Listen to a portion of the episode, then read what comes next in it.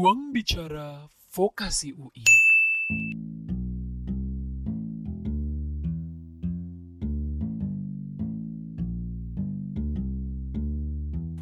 Halo kawan Fox, selamat datang di Ruang Bicara Vokasi Universitas Indonesia.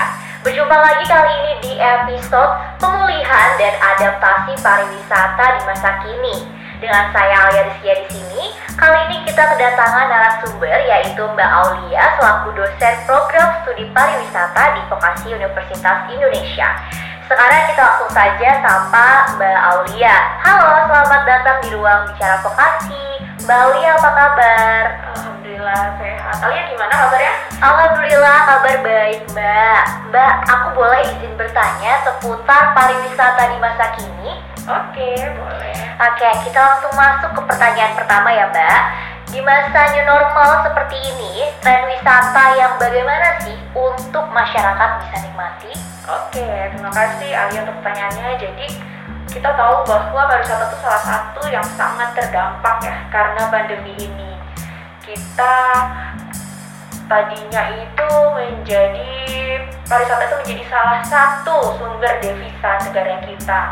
Nah, tapi bahkan di, di tahun 2020 itu kita sangat merasakan dampaknya adanya penurunan wisatawan, baik wisatawan domestik atau mancanegara, kemudian juga e, banyak sekali hotel-hotel yang room okupansinya menurun, ya kemudian bahkan sampai wisatawan itu takut untuk melakukan kegiatan wisata karena adanya pandemi COVID-19 ini gitu.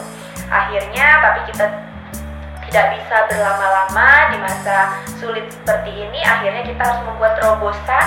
Apa sih yang harus kita lakukan untuk pariwisata itu bangkit kembali? Seperti itu ya. Tentunya untuk pariwisata itu agar bisa bangkit kita perlu adanya kolaborasi ya kolaborasi kemudian adaptasi kemudian adanya inovasi sudah pasti tentunya.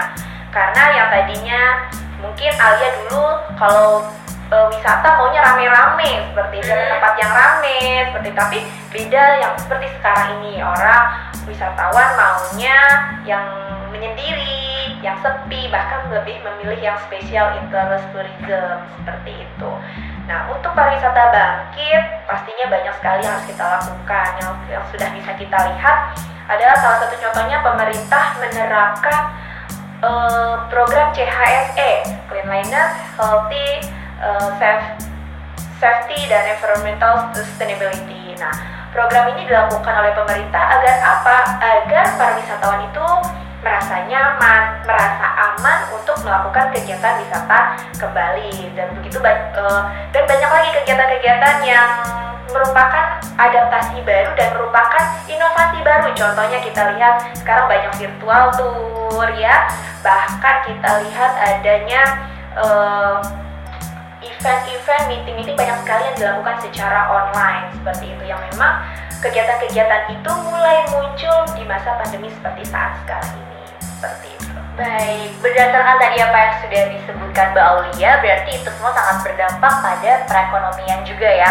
Nah, menurut Mbak, apakah upaya-upaya yang tadi disebutkan uh, untuk pariwisata dapat mendorong perekonomian lokal? Oh, tentunya ya. Jadi dengan adanya adaptasi, kemudian adanya kreativitas yang baru ya.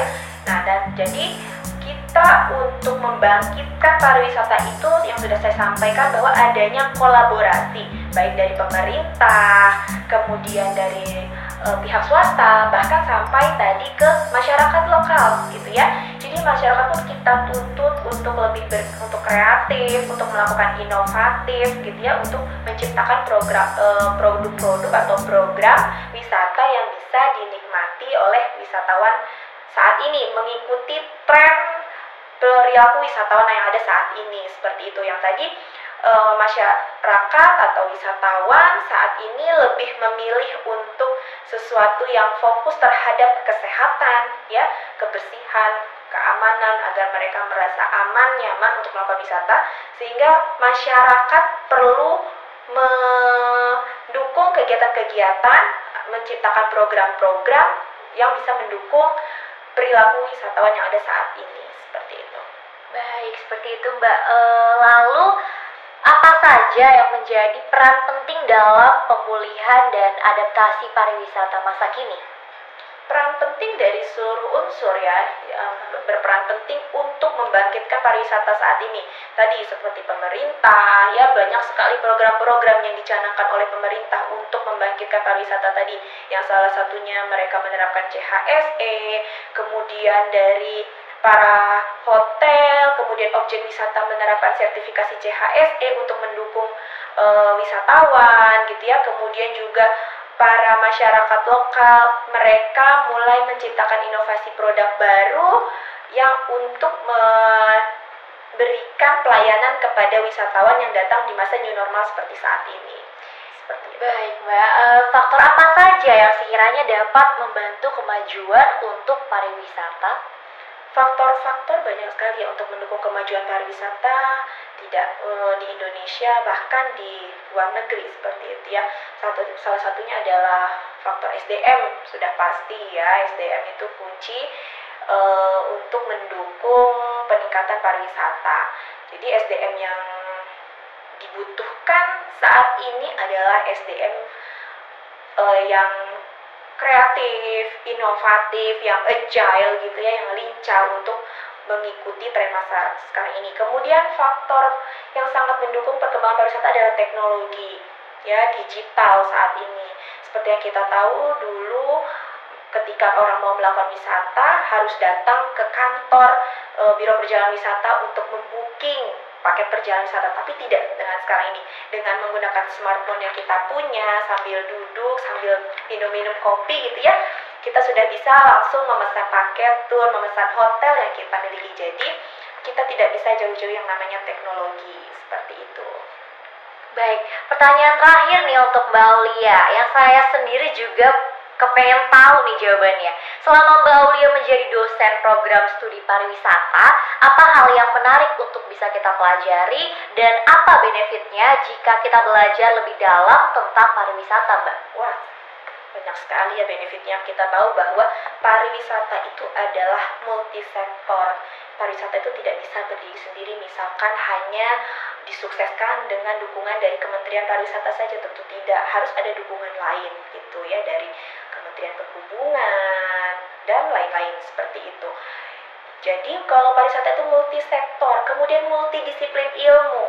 Tidak bisa pariwisata hanya bisa bahasa Inggris aja, tapi tidak didukung dengan kemampuan public relation, kemampuan dari uh, apa namanya dari segi antropologi, seperti dari segi sejarah, kemudian dari segi budaya. Nah, itu adalah keunikan dari pariwisata. Jadi pariwisata itu adalah multisektor, kemudian juga multidisiplin ilmu kita. Jadi udah pasti harus banyak ilmu agar kita tidak tertinggal dan bahkan ketika kita menjadi orang di industri pariwisata harus bisa memberikan informasi-informasi terkini kepada wisatawan yang membutuhkan informasi terkait wisatawan kepada kita seperti itu. Baik, terima kasih banyak Mbak Aulia atas insight-nya. Sangat menarik dan semoga juga bermanfaat. Terima kasih atas waktunya. Terima kasih Alia, sampai ketemu lagi. Iya, kawan Fox, informasi tadi semoga bermanfaat ya bagi kamu yang penasaran terkait pemulihan dan adaptasi pariwisata di masa kini. Saya Alia Rizkia pamit undur diri dan sampai jumpa di episode selanjutnya.